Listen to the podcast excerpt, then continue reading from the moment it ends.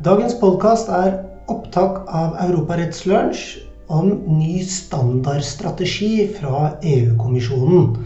Det er stipendiat og advokat Einar Bratteng som innleder. God fornøyelse. Supert. Eh, takk for det. Eh, jeg skal snakke litt om eh, EUs standardiseringsstrategi, som kom nå for ikke så lenge siden. Eh, måned og halvannen tid siden. Eh, jeg har ikke tenkt å late som jeg er noen ekspert på standardisering.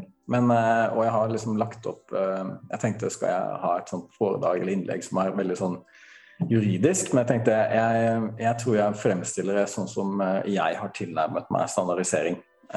Og litt av grunnen til at jeg er interessert meg litt for standardisering, er at dette griper litt inn i avhandlingen jeg skriver om avfallsfasens opphør. Hvor standardisering eller produktstandarder spiller inn som et materielt vilkår, nærmest, for å få avfall over i produktfasen igjen. Så det er liksom inngangsporten til minnet til dette. Og Asia er med, og hun eh, skriver en, en ph.d. på NTNU om standard. Eh, standard. Mm. Så hun eh, kan mer om dette feltet og kan sikkert korrigere meg underveis eller på slutten hvis jeg sier noe feil. Ok. Det er da lagt fram et forslag om ny standardiseringsstrategi fra EU. Den har fem hovedmålsetninger. Eh, den skal da bli mer eh, effektiv i den forstand at man skal i større grad skal eh, identifisere hvor det er behov for standarder. Den skal forbedre det europeiske standardiseringssystemet. og Det betyr at det er et standardiseringssystem her fra før på plass, som vi skal se på litt etterpå. Og man ønsker også å da øke eller forbedre det europeiske lederskapet innenfor utvikling av globale standarder. Eh, og noen av dere har sikkert lest denne, eller sett på denne boken 'The Brussels Effect'. Som ja, handler litt om det. da. Jeg syns kanskje den, den, boken er litt optimistisk, men, men greit nok. Eh, og Man skal da gjennom dette, denne strategien også støtte innovasjon. Eh, og så skal man eh, ivareta da eh, den neste generasjonen standardiseringseksperter. Og Det er liksom et, et poeng her som jeg syns er viktig å, å å få fram, det er at det ligger visstnok, uh, ukjent for meg, men tydeligvis er det et generasjonsskifte i Europa. Hvor man har masse masse flinke folk som har vært sentrale i standardiseringsarbeidet, som er på vei ut, og så har man ikke noen til å følge opp. Altså Det er på en måte ikke en ettervekst på standardiseringsarbeidet. Da. Kan du bare si noe om hva er en standard? Godt spørsmål. Det kommer jeg til. Okay. uh, uh, og hele standardiseringsstrategien, den, den ligger, ligger der. Hva er en standard? Vi har allerede en standardforordning, eh, kan du si. Det er denne, 1025-2012. Eh, som er eh, en forordning som sier noe om, om, utviklingen av det vi kaller harmoniserte standarder. Vi har disse vanlige standardene, som da er tekniske spesifikasjoner som da en, en, standardiseringsorganisasjon har utarbeidet og på en måte sagt at nå er standarden ferdig, her er vi en standard for dette. Så det sånn, og disse standardorganisasjonene er privatrettslige. Altså de, de er altså private stiftelser, organisasjoner som på en måte utvikler dette. En sånn ekspert, eh, et privat ekspertorgan, kan man kanskje kalle det, som utvikler dette. Så kommer vi litt tilbake på denne selve standardiseringsprosessen etter hvert. Hvordan den ser ut til å fungere i mine øyne. Og så har vi disse internasjonale standardene. Det betyr jo egentlig bare det samme. samme konseptet. Der en, en, en standardiseringsdokument stiller spesifikke krav til en gitt tjeneste eller produkt. Som da er utarbeidet av internasjonalt, eh, en internasjonal organisasjon eller stiftelse. Europeisk er jo det samme. Da er det et europeisk organ som har utviklet det. Eh, og så har vi dette med harmoniserte standarder. Eh, det er jo da en spesiell type standard, men det er da en type standard som kommisjonen har bedt en av de europeiske standardorganisasjonene å utarbeide. Det er tre europeiske standardorganisasjoner som kommisjonen bruker til å utarbeide standarder. Da sier kommisjonen sånn ja, vi har bruk for en standard, kan ikke du av disse tre utarbeide den? Og da får man en harmonisert standard som da det europeiske kommisjonen eller EU da etterpå sier at ja, dette er en europeisk harmonisert standard. Så som Vedtakene blir også publisert i The Official Journal, som jeg kommer tilbake til, eh, til dette systemet. Så er det nasjonal standard. Det er da en, en, standard som da er utarbeidet av et nasjonalt organ. Typisk i Norge Standard Norge, f.eks. Mm. Eksempel på en internasjonal standardorganisasjon er eh, International Standard Organization, ISO, som er kjent for mange. Mm. kommer litt tilbake til hvordan det samspillet fungerer mellom organisasjonene. Men det er også litt sånn black box for meg, og det er det som gjør det litt interessant, da, syns jeg. Ok. Eh, men, men, det som fascinerte meg med, meg med, dette, var at eh, det kommer en ny strategi. Eh, ikke sant? Og mitt første spørsmål kommer en ny strategi, og hvorfor er det behov for en ny strategi? Altså, vi, vi, har, jo, vi har jo standardiseringsorganet, vi har jo en standardiseringsprosess. Hvorfor er dette behov for det? Eh, og det, det mye av dette går ut på, eh, tydeligvis, eh, det er at det er en Standarder er globalt viktig, er det man sier. Altså hvem som på en måte leder standardarbeidet, hvem som utvikler den. Den er på en måte i førersetet og setter på en måte premissene for produkter. Men det trenger ikke bare være produkter, det kan også være finansielle tjenester, altså finansregelverk. Det setter standarden, og det gir på en måte en form for markedsmakt. da. Så det er interessant å vite og på en måte være i front på standardene. Jeg kommer også mer tilbake til det. Og, og, og, det er liksom fascinerende, fascinerende, at dette har noe å si. Så, så det lever på en måte det altså, Og disse standardene er jo privatrettslige stort sett, men de er harmoniserte, er hybride. kommer jeg til oss tilbake til.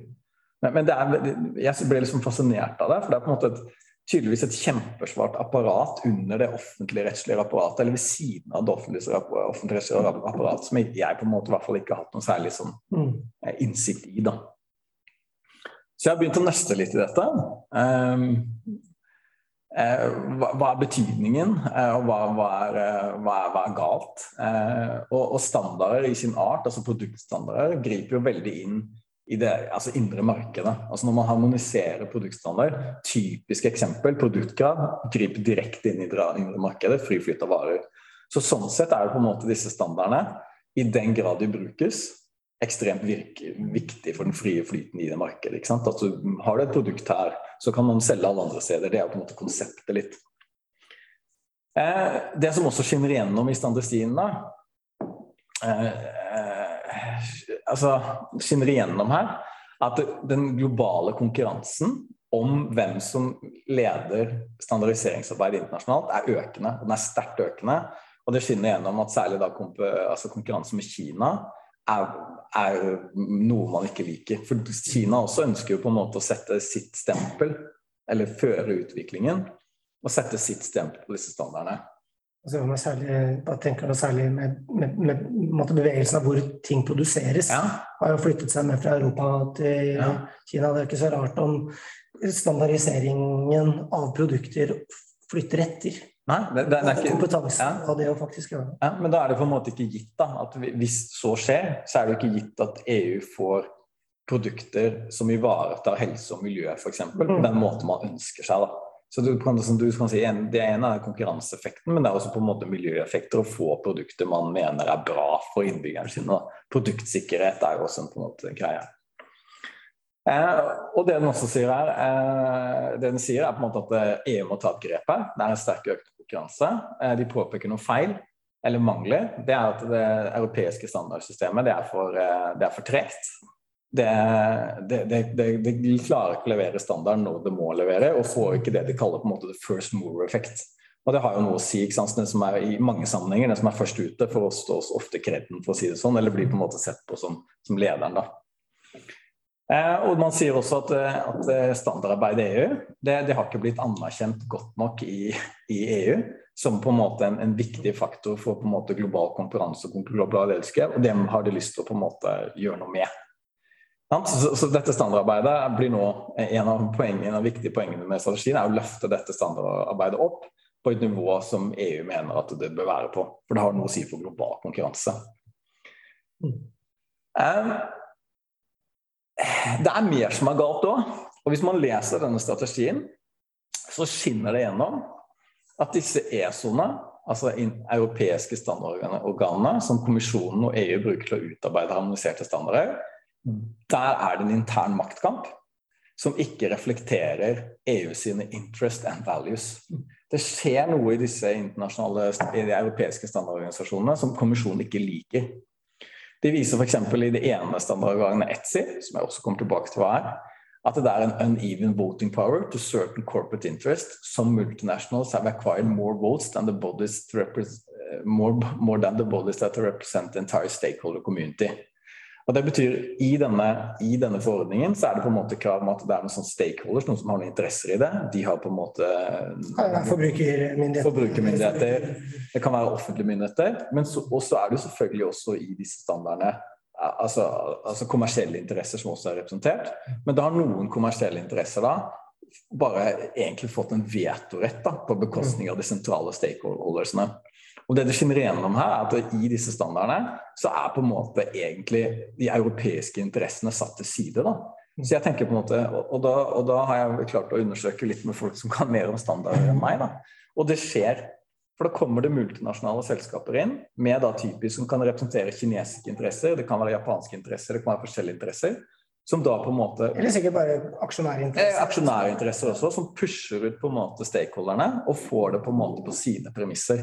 Og det har jo konsekvenser. For standarder, som vi skal se på etterpå, har jo også den eh, at du kan jo et, standarder, standarder er jo absolutt på en måte et tveegget sverd. Det kan fremme konkurranse, men det kan definitivt også begrense konkurranse. Det kan fremme innovasjon, eller det kan låse innovasjon. Så det har definitivt noe å si hva, hvem som sitter i disse organene. Og EU og kommisjonen er fast bestemt på å gjøre noe med dette. De vil rydde opp. Eh, og det de sier nå, det de sier er at eh, de, de, de fremlegger et nytt, et nytt, tillegg. Forslag til en, en, tilleggsforordning som endrer den opprinnelige. Som, som, setter krav om at det skal være en form for governance der. De skal ha, på, de skal ha internkontroll, for å si det sånn, da, og sikre at alle interesser blir eh, blir tatt. Og det er da visse beslutninger som bare da skal tas av den europeiske standardorganisasjonen selv. Da. Altså For å sikre kontroll med, med interessene, at det EU sine og stakeholdernes interesser blir mer eh, blir riktig representert enn det man mener er tilfellet i dag. Og Dette synes jeg er superinteressant. for at Når vi tenker på, en måte på lobbyvirksomhet, så tenker vi alltid lobbyvirksomhet på Stortinget, henger rundt på Stortinget eller kanskje departementet og sånn. Men her er det på en måte en stor internasjonal lobbyvirksomhet som skjer på et privat plan. Da, som har berøringspunkter på en måte mot det offentlige, mot det offentligrettslige, offentlige organer og offentlig myndighetsutøvelse, men som ikke er synbart. I hvert fall ikke synbart for meg før. Og det syns jeg er kjempespennende. At det, det, det, er på en måte et, et helt sånt eget eh, liv av standarder og organisasjoner og politikk og lobbying som er superviktig på en global skala, som jeg i hvert fall ikke har noe innblikk i. Og Det kommisjonen sier her, at eh, de, de vil ha tilbakemelding fra alle ESO-ene på hvordan de har tenkt oss å sikre EUs og stakeholders interesse. Og hvis ikke, de, hvis ikke de kommer tilbake med gode forslag, så kommer de til å gjennomregulere hele greia. Det er det de sier. Ser også The Commission will launch an evaluation in Q2 20. Oh, ja, det er en evaluering av den forrige ja. nettopp, ja. ja. Så den har de allerede fått eh, en midlertidig evaluering. Så har de fått, og så sier de at her har vi dårlig tid. Vi må bare Ja, altså det, det de sier er på en måte at eh, enten får vi et bra forslag nå tilbake som sikrer EUs interesser og verdier, eller så tar vi, tar vi, ordner vi opp sjøl og bare regulerer det. Eh, det er vel egentlig det de sier. Altså. Det er en tydelig piste. så er, jeg syns det er utrolig fascinerende. Og så er det dette hvorfor global betydning, det har vi vært litt inne på. Men altså det er jo opplagt at de har global og kan ha det. altså Det fremmer effektivitet i indre marked, det er europeisk. Fremmer konkurranseevne til industri, europeisk industri. Ivaretar forbrukermiljøet, fremmer kanskje informasjon. Eh, men samtidig så er det dette med, med standarder som det er et tveget sverd. altså Dominerende markedsaktører kan begrense konkurranse gjennom bruk av sine standarder. Og det var det på en måte det neste spørsmålet mitt. Var, er jo på en måte sånn hva, hvordan har det seg at noen standarder har blitt tatt i bruk, andre ikke? Det er kjempemange standardiseringsorganer. Det er ikke bare ISO på internasjonalt nivå, det er mange. Og det er mange europeiske standardorganisasjoner også. Og, hvorfor, og, og, man kan jo utvikle sine egne standarder også. Det er jo ikke noe, noe veien for at ikke en stor markedsaktør opererer med sin egen standard. Så, det var også et spørsmål jeg begynte å tilnærme altså, Hvordan har det seg at, at, noen standarder blir tatt i bruk, mens andre ikke? Hva, hva sikrer, hva sikrer utbredelsen til en standard, er på en måte et spørsmål som jeg har vært inne på flere ganger. Og Det neste, det ene er på en måte den globale markedsmessige eller kommersielle betydningen av standarder, som kan være ganske stor. Og det andre er liksom den andre aspektet ved standarder, er på en måte den rettslige betydningen. Og da, da er utgangspunktet egentlig ganske kurant. Altså, altså, En privatrettslig standard, hvis jeg lager en standard, eller hvem som helst, eller eh, ja, kona mi var et dårlig eksempel, da, men, men, hvis hvem som helst lager en standard, så er jo ingen forpliktet til å følge den. Altså, det er jo det er et dokument, privatdokument som ikke, ikke har noen sånn særlig betydning. Men det som er litt fiffig, eh, eh, det er disse, disse, standardene disse sniker seg jo likevel inn og har på en måte rettslig betydning. da. Altså, nå tok jeg bare et enkelt søk i forurensningsforskriften, eh, som er et regelverk jeg jobber med. og Der er det henvist til i tre kapitler, Men typisk da, til det standarder for målemetoder. Men da kommer jo standarden inn der. Men det er jo også andre tilfeller hvor det kommer inn. altså I, i byggvareregelverket. Der er det jo på en måte standarder som ligger, og som det er henvist til. Eh, og de, de, sniker seg også inn på en måte i, i alminnelig juridisk metode, kan man si, og litt sånn i, i, i rettskildelære nesten noen ganger også. F.eks. som en sånn normgivende, en, en normgivende på hva som er Det kan være aktsomhet av, av redden. Men det kan også være normgivende for den kjøpeslige vurderingen av mangel. Hva er en mangel? Et avvik. Eh, og, vi kjenner det jo også igjen i sniker seg inn f.eks. i produktansvarsloven som en sikkerhetsmangel. altså hva er på en måte hva er, hva er noe, når, er noe produktsikkert, sikkert, sikkert, og når er det et avvik fra det? Som også er på en måte, Men det blir mer sånn erstatningsrettslig eh, eh, erstatningsrettslig mangel, kan man si. da, Eller mangel som gir grunnlag for erstatning. Standard kan også tenke av betydning i mange andre sammenhenger, f.eks. fastleggelse av naborettslig tålegrensen. bare akseptabelt støynivå, f.eks. Altså som tål, tål, tålt bruk. Eh, standard er også tillagt helt eksplisitt betydning i EUs rammetid for avfall, og også EUs produktsikkerhetsdirektiv. Og her kommer oppgaven min inn, eller avhandlingen min, eh, hvor jeg skal få dette, dette, avfallet til å bli noe annet. Og da Hvis vi ser da på punkt fire der, så står det jo da eh, løsningen av stoffhold som blir til avfall, kan først opphøre ved avfall når de som minimum punkt 4, innfører de tekniske kravene som følger av det aktuelle bruksområdet, eventuelle produkt og standarder. Så Der kommer jo også produktkravene inn som, som en, en, en, en, slags norm for når på en måte du ikke har et avfall lenger, men når du har noe annet i produkt eller råvare. Dette er da et eksempel fra produktkontrolloven, som er også ganske interessant. Dette bygger jo på EUs produktsikkerhetsdirektiv, som samme systematikk der. Eh, og da står det også dersom annet ikke følger av fjærlighet, skal forbrukerprogram være sikre når det er overensstemmelse med nasjonal standard som oppfyller kravene i harmonisert standard. Så da er det presumpsjonsprinsipp. At du, hvis, hvis, du oppfyller da, hvis du oppfyller da en harmonisert standard, ja, men da er produktet ditt sikkert. Så, så, det er, sånn, så, så det er en sånn, veldig sånn tydelige koblinger også på en måte mer sånn rettslig mellom hvordan da standard, i utgangspunktet privatrettslige standarder tillegges helt konkret rettslig betydning. Og Både forurensningsloven og produktkontrolloven er eksempler på det. Og man kan sikkert også finne flere. Men, men, men det, gjør, det, gjør, kan du si, at, eh, at disse standardene som i utgangspunktet er, er privatrettslige, har på en måte Det oppstår et sånt hybrid. altså Det er privatrettslig, men, samtidig så tillegges det også eh, betydning langt utover det rent privatrettslige mellom to private parter. Jeg kommer litt tilbake på det. Og nå har jeg prøvd, da, og dette er, dette er, det, dette er liksom the tricky part, så nå må dere følge med. Eh, du har disse vanlige standardene som jeg har på høyresiden der. Eh, og det som skjer, er at ISO ofte, eh, det er det International Standard Organization, finner på at det er behov for å standardisere et eller annet. Så det som da skjer, er at ISO eh, de, Der sitter det mange flinke folk, helt sikkert. De finner ut at vi skal standardisere et eller annet. Så de oppretter en komité, en internasjonal komité som skal jobbe med en ny standard. Det som da skjer, som jeg har forstått det, da opprettes det automatisk nasjonale speilkomiteer. Så når ISO da setter i gang et standardiseringsarbeid, så opprettes det da nasjonale speilkomiteer i eh, hele verden.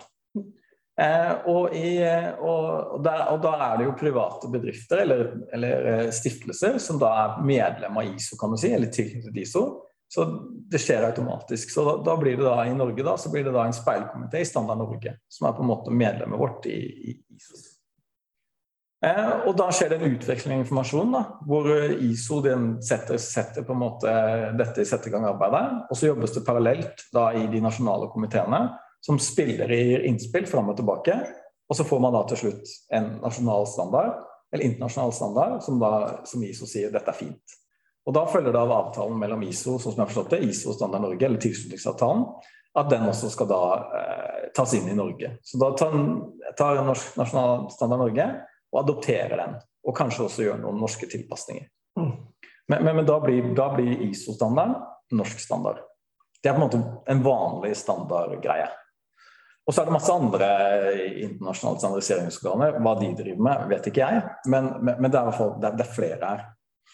Og så skal vi snakke om de harmoniserte standardene. Eh, de kommer til ut på en litt annen måte. Dette er ESO, ESO European Standard Organizations. Og der har jeg tatt SEN, ETSI og SENLEX. Forkortelsene står der nede, hva de betyr. Men det er tre forskjellige utgangspunkter. Private organisasjoner men hvor EU har, eller kommisjonen og EU har sagt at vi bruker dere tre for å utarbeide de europeiske standardene. Og Da er det kommisjonen spør disse tre, disse ESO-ene, en av de, avhengig av hvilket uh, kompetanseområde det er, kan ikke dere utarbeide en harmonisert standard? Eh, og da gjør de det. Da setter de i gang på oppdrag for, uh, for kommisjonen å gjøre dette. og da har jeg også forstått sånn at da, da, er, da blir det Standard Norge igjen som ser på den harmoniserte standarden Eh, eventuelt komme med innspill, eh, hvordan det avhenger av hvor dette organiseres fram tilbake. Og så kommer en, en harmonisert standard, som da blir i kommisjonen sier at dette er den europeiske standarden for det. Vi, denne adopteres inn, og den publiseres da i eh, Official Journal. Ja, Official Journal. Eh, og da blir den en harmonisert standard. Og så blir den da adoptert igjen i, i Norge som en da NS-standard. Norsk standard. Vet du om norske, mindre, norske standardorganisasjoner er med som for speilkomiteer også i det europeiske arbeidet, eller er vi utenfor, eller vet du om vi er utenfor eller inne? Nei, det vet jeg ikke helt. Kanskje, Kanskje noen som sier det. Unnskyld? Ja.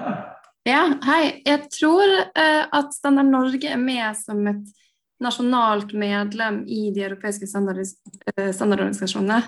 Ja, jeg også mener det. Eh, at eh, det er på en måte de som utgjør Altså, det er sikkert mer komplisert enn som så, men at eh, de nasjonale standardiseringsorganisasjonene eh, deltar som medlemmer i de europeiske, på en måte. Ja, At de er med som på en måte stakeholders, på sett og vis? Eh, egentlig forstår altså Jeg er ikke helt sikker, men jeg forstår det vel egentlig mer som at de på et vis utgjør de som utarbeider standardene på Ja, at det blir på en måte de, at det blir nasjonale eksperter for hvert enkelt land som møtes i, i ja, SEM, for eksempel, da. Ja. ja. Mm. Eh, men eh, med et visst forbehold, men ja, at det egentlig er de som, som, utgjør medlemmene, og så går det videre opp. Og så har man en mer sånn prosess hvor eh, andre stakeholders er involvert, men at i utgangspunktet så har Sen-Senelek, i hvert fall. da, et er jeg ikke helt sikker på, men Sen-Senelek nasjonale medlemmer som, som um, er egentlig Standard Norge og de andre nasjonale standardiseringsorganene. Mm. Igjen da består av eh, stakeholders, på en måte, for det er jo uavhengige nasjonale organer igjen, ikke sant? Ja. Så, men uh, jeg tror det er sånn, men uh, jeg er ikke helt sikker. Nei, jeg er ikke helt sikker sjøl, men jeg... ja. Hvis jeg kan hoppe inn her, så ja. kan jeg også si at jeg også tror at det er sånn, så det er mest sannsynlig sånn det Ikke fordi jeg tenker det, men for flere som tror sånn. Standard Norge er i hvert fall med i SEN da, som, som nasjonalmedlem i en europeisk standardiseringsorganisasjon. Ja. Så, så, organiseringen blir litt lik som under ISO, egentlig, på sett og vis? Ja, bare det er europeiske ja. Altså europeiske land som har sine nasjonale ja. organisasjoner inn, som medlemmer. Ja. Og ut fra at eh, EØS-avtalen, eh, altså at det er fri bevegelighet for varer og tjenester, er EØS-avtalens eh, kjernefriheter, så er det ikke så rart. Gir det mening at Norge er inkludert i standardiseringsarbeid i Ja. Som nettopp berører Ja, men, det, psykisk produktkrav? men det som er litt fascinerende, er på en måte at dette, dette ligger jo liksom sånn helt egentlig liksom på utsiden likevel. Ja. For det er på en måte det er, altså, det er private organisasjoner vi snakker om. Så det er jo formelt sett ikke en del av EU-organene. ikke sant? For det ligger liksom på utsiden egentlig av det europeiske samarbeidet, samtidig som det ikke gjør det. Vi ser litt på det nå, Mm. håper jeg. Ja, jeg kommer til det etter hvert, da. Eh, og det som har vært litt min fascinasjon med dette standardarbeidet, da det er jo mange organisasjoner. Hva, hva, er det, hva, er det liksom, hva er det som gjør at noen standarder får utbredelse og andre ikke får utbredelse? Det, det, det, klarer jeg ikke helt å få tak på. da. Jeg sier ikke at jeg har noen ambisjon om å få tak på det heller, men, men det er vanskelig liksom, å forstå helt hvorfor, hvor, hvorfor, eh, hvorfor, noen, eh, hvorfor, hvorfor noen organisasjoner har tillit, og noen standarder har tillit, men andre ikke har det. Eh, Men det er sannsynligvis da en kombinasjon av tillit og legitimitet på en eller annen måte. Altså, det er nok avhengig av høy faglig kompetanse. Dette med prosess og uavhengighet spiller helt sikkert inn. da. Og så er det dette med kommersielle grunner til at standarder blir tatt i bruk. Altså, og denne Brussels effekt bruker jo en del tid på det. Altså i hvilken grad er det, hvilken og hvorfor er det kommersielt lønnsomt å bruke noen standarder og andre ikke, da. Så, så det, er, det er sikkert en, en kombinasjon som er vanskelig, og det er, det er ikke sikkert noen vet, og jeg kommer helt sikkert ikke til å få svar på det heller, men, men, men det er noe som, som er også en fascinasjon jeg har med dette standardarbeidet, da. Det er sikkert også noe politikk i det. Altså, Ja, nasjonal, altså, du, hvis du vil drive for, for mer proteksjonistisk politikk, så vil du jo velge deg ut de standardene som din økonomi allerede er tilpasset, på en måte. Ja, og så er det, også, også er det også et poeng i denne Brussels effekt også, er det at sant, altså Noen ganger så legger man bare den, den strengeste standarden til grunn, fordi det er enklest. For da passer den inn i alle markedene. ikke sant, så, så Det er kommersielt, eller lønnsomt på den måten. At du slipper å forholde deg til ulike krav. da. Men det kan jo også være tilfelle hvis standarden blir for streng, at noe bare trekker seg ut av markedet. Men, men, men det skal jo litt til i EU, med tanke på at det er et marked som er ganske stort. Men risikoen er der, og jeg lurer på om hun eh, i The Brussels Effect også har noen eksempler på at noen bare ja, men vi gidder ikke, da konsentrerer vi oss på andre markeder istedenfor. Men, men eh, sannsynligvis eh, en av grunnene til at standarder og dette å gi standardarbeidet legitimitet, og at eh, europeisk eh, Europa skal være ledende på dette arbeidet, er jo nært knyttet sannsynligvis også til hvem som bærer den. At man, man, er ganske trygg på at de som sitter der, er de med, med høyest faglig kompetanse, eh, og som kan dette. da. Eh, og Derfor legger jo også denne standardstrategien betydelig vekt på nettopp fokuset på å, å, å fremprodusere folk, mennesker som har høy kompetanse på standardarbeid. Um, skal vi se Var jeg ikke bra? Mm, nå. Du trykker da? Der. Ja. Eh, det som er litt eh, interessant med disse harmoniserte standardene, er jo det at de er jo basically bare en vanlig standard som kommisjonen har bedt en av ESON om å, om å utarbeide i tråd med denne prosedyren. Og selv om standarder i utgangspunktet er en privatrettslig konstruksjon, så anses harmoniserte standarder likevel som en del av EU-retten. Det var oppe i hvert fall denne saken der, C613-614. Eh, og da er jo funksjonen at disse harmoniserte standardene veldig ofte blir da publisert i The Official Journal. Og dette var en sak som da dukket opp jeg mener det var i Irland, hvor det var da en harmonisert standard som satte krav til innhold av svovel i et eller annet form for asfaltprodukt. Og da dukket spørsmålet opp. Eh, det var da en tolkning i en ren kontraktsrettslig bestemmelse om, dette var, om det var en mangel eller ikke. Om da, eh, om da denne asfalten eller belegget var i tråd med EU-retten eller ikke. Eh, eller var i tråd med, med, med standarden og dermed en kontraktsrettslig mangel. Og Da dukket spørsmålet opp. Noen fant ut at dette var tale om en harmonisert standard. Her må man kunne be eh, EU-domstolen med råd, og det svarte EU-domstolen bekreftende på at ja, disse harmoniserte standardene det er en del av EU-retten. Og Da får du virkelig på spissen det på en måte hybride standarden er. Det er en privat, i utgangspunktet en ren privatrettslig konstruksjon, men som slår inn på utrolig mange ulike måter inn i, måte, i retten vår. Eh, og, og, og det er en sånn der, ja, jeg vil kanskje si at det, ja, det er et hybrid mellom en, en privatrettslig og offentligrettslig regulering på sett og vis. da. Det er kanskje det beste jeg har kommet på. Ja, og etter, etter, jeg klarte å lande litt sånn, lande at dette med harmoniserte standarder hadde en litt sånn spesiell status i EU-retten, så tenkte jeg sånn Ok, hvor, hvor mange harmoniserte standarder finnes det da? Det er ca. 3600 harmoniserte standarder. Eh, og det er jo, altså Som jurist og interessert i, i, å få avfall til å bli produkter, så hadde det vært kjempekult for meg å vite ja, men på hvilke områder er det standarder. da? Når, når, disse slår inn, kan slå inn i, vår, i den interne retten av EU-retten på så mange måter, hvilke, hvilke, standarder finnes det der ute? Altså, kan jeg skaffe meg en oversikt? Kan jeg plukke ut noen standarder? Det må jo kanskje være en nettside hvor jeg får en oversikt over standardene, og, og så kan jeg liksom plukke ut noen og bruke det inn i min avhandling f.eks. Det kunne vært en morsom innfallsvinkel. Eh, og det finner jeg ikke. Jeg finner ingen oversikt over hvilke standarder som gjelder. Eh, det er, det er liksom, jeg, har ikke, jeg ikke sjans. Det er ikke en nettside, det er ingenting. Det jeg har liksom klart å nøste hittil, at det er en eller annen sånn en eller annen eh, kategorisering av standardene som jeg kan bruke og orientere meg i.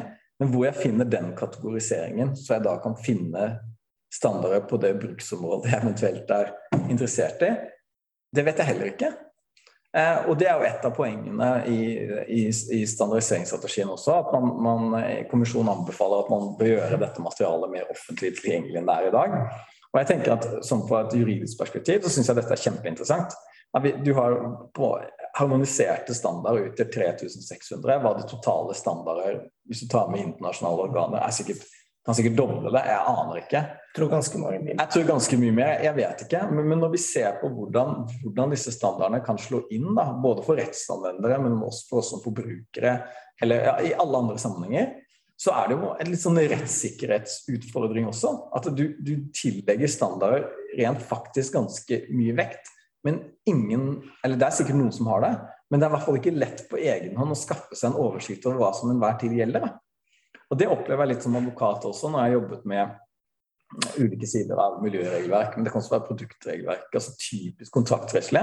Plutselig så dukker det opp en standard som noen mener at du må forholde deg til. Men du aner ikke liksom, organet, du kjenner ikke igjen organet, og du aner ikke noe om, om uh, hvorfor det har blitt sånn. Eller, altså, du, det, det, er en utfordring, tenker jeg, som advokat og jurist, men også for vi innenfor akademia som skal liksom, si noe om det, at den tilgjengeligheten er så liten. Og Det ble jeg virkelig overrasket over, etter hvert som jeg prøvde å nøste opp i dette. At ikke det var bare en, eh, noe så enkelt som en nettside. Her er de harmoniserte standardene klikk. EUharmonizedstandards.com. Eller .eu. Ja, det var det ikke, da. Eh, og det var Ikke en fane på Aurex. Ja, ikke en fane på Aurex, og det burde det kanskje være. Okay? Eh, eh, det som jeg syns har vært veldig gøy med det, eh, etter hvert som jeg prøvde å nøste det, pratet med Asia, pratet med Standard Norge, jeg satte med forskjellig. Eh, kanskje vi får, kanskje vi får svaret. Det hadde vært How to find a standard. Ja, vi kan jo, skal vi se på det etterpå? Vi tar det. Ja, ja, det har jeg veldig lyst til å finne ut om det går, ja. går an å finne på en effektiv måte. Det har vært så gøy. eh, men det som, er, det som jeg tenker kan være veldig gøy og, og litt kult for oss på offentligheten eller her på fakultetet å snakke litt om også, hvis det er interesse for det For det, det ser ut som at man har satt av penger eh, til å gjøre noe på standardiseringsområdet. Eh, og det er ønsket å få opp eh, prosjekter på det. Og nå sier jeg også eh, en av mange tiltak, jeg klippet ut en boks her, eh, at man ønsker å øke Man har satt av penger i Horizon for det. Man ønsker å øke oppmerksomheten rundt det. Og man vil ha opp nye folk på standardisering. da. Og jeg tenkte På standardisering så hadde det vært kult å gjøre noe. Altså liksom forhold til EU-retten eh, kan man liksom fokusere på noen, noen utvalgte produktområder eller tjenester. altså jeg tenker at dette, hele dette standardiseringsgreiene det er spennende bare fordi det er et hybrid, nærmest. da. Og dette kanskje med notoritet. Hvis, jeg, hvis vi har fått nå en perfekt link som bare gir oss oversikten, så, så hjelper det jo. Eh, men, men det, det, jeg tror det har vært et, sånn et kult prosjekt å vurdere. Kanskje da i samarbeid med flere. Det er jo mange som jobber med det i Standard Norge, Sintef, NTNU også det kunne vært et sånn kult område for Europaretten kanskje å sette nærmere på. Og selvfølgelig sånne statlige etater som ja. skal forske, altså Direktoratet for byggkvalitet, liksom. De har jo selvfølgelig masse med standarder for byggevarer. Ja. osv. At det kunne vært sånn der, noe tenkt mer på, da, når det tross alt er en sånn eh, heia standardarbeid i Ja, ja, Ja, så jeg tenkte det var noe, så, noe å tenke på, i hvert fall. Så det er, det er, dette, det, er det jeg basically vet om standard. eh, og, jeg, og jeg er utrolig jeg er utrolig Jeg kan bare si at jeg er utrolig fascinert av det. Eh, og og syns det er eh, et undervurdert og spennende område.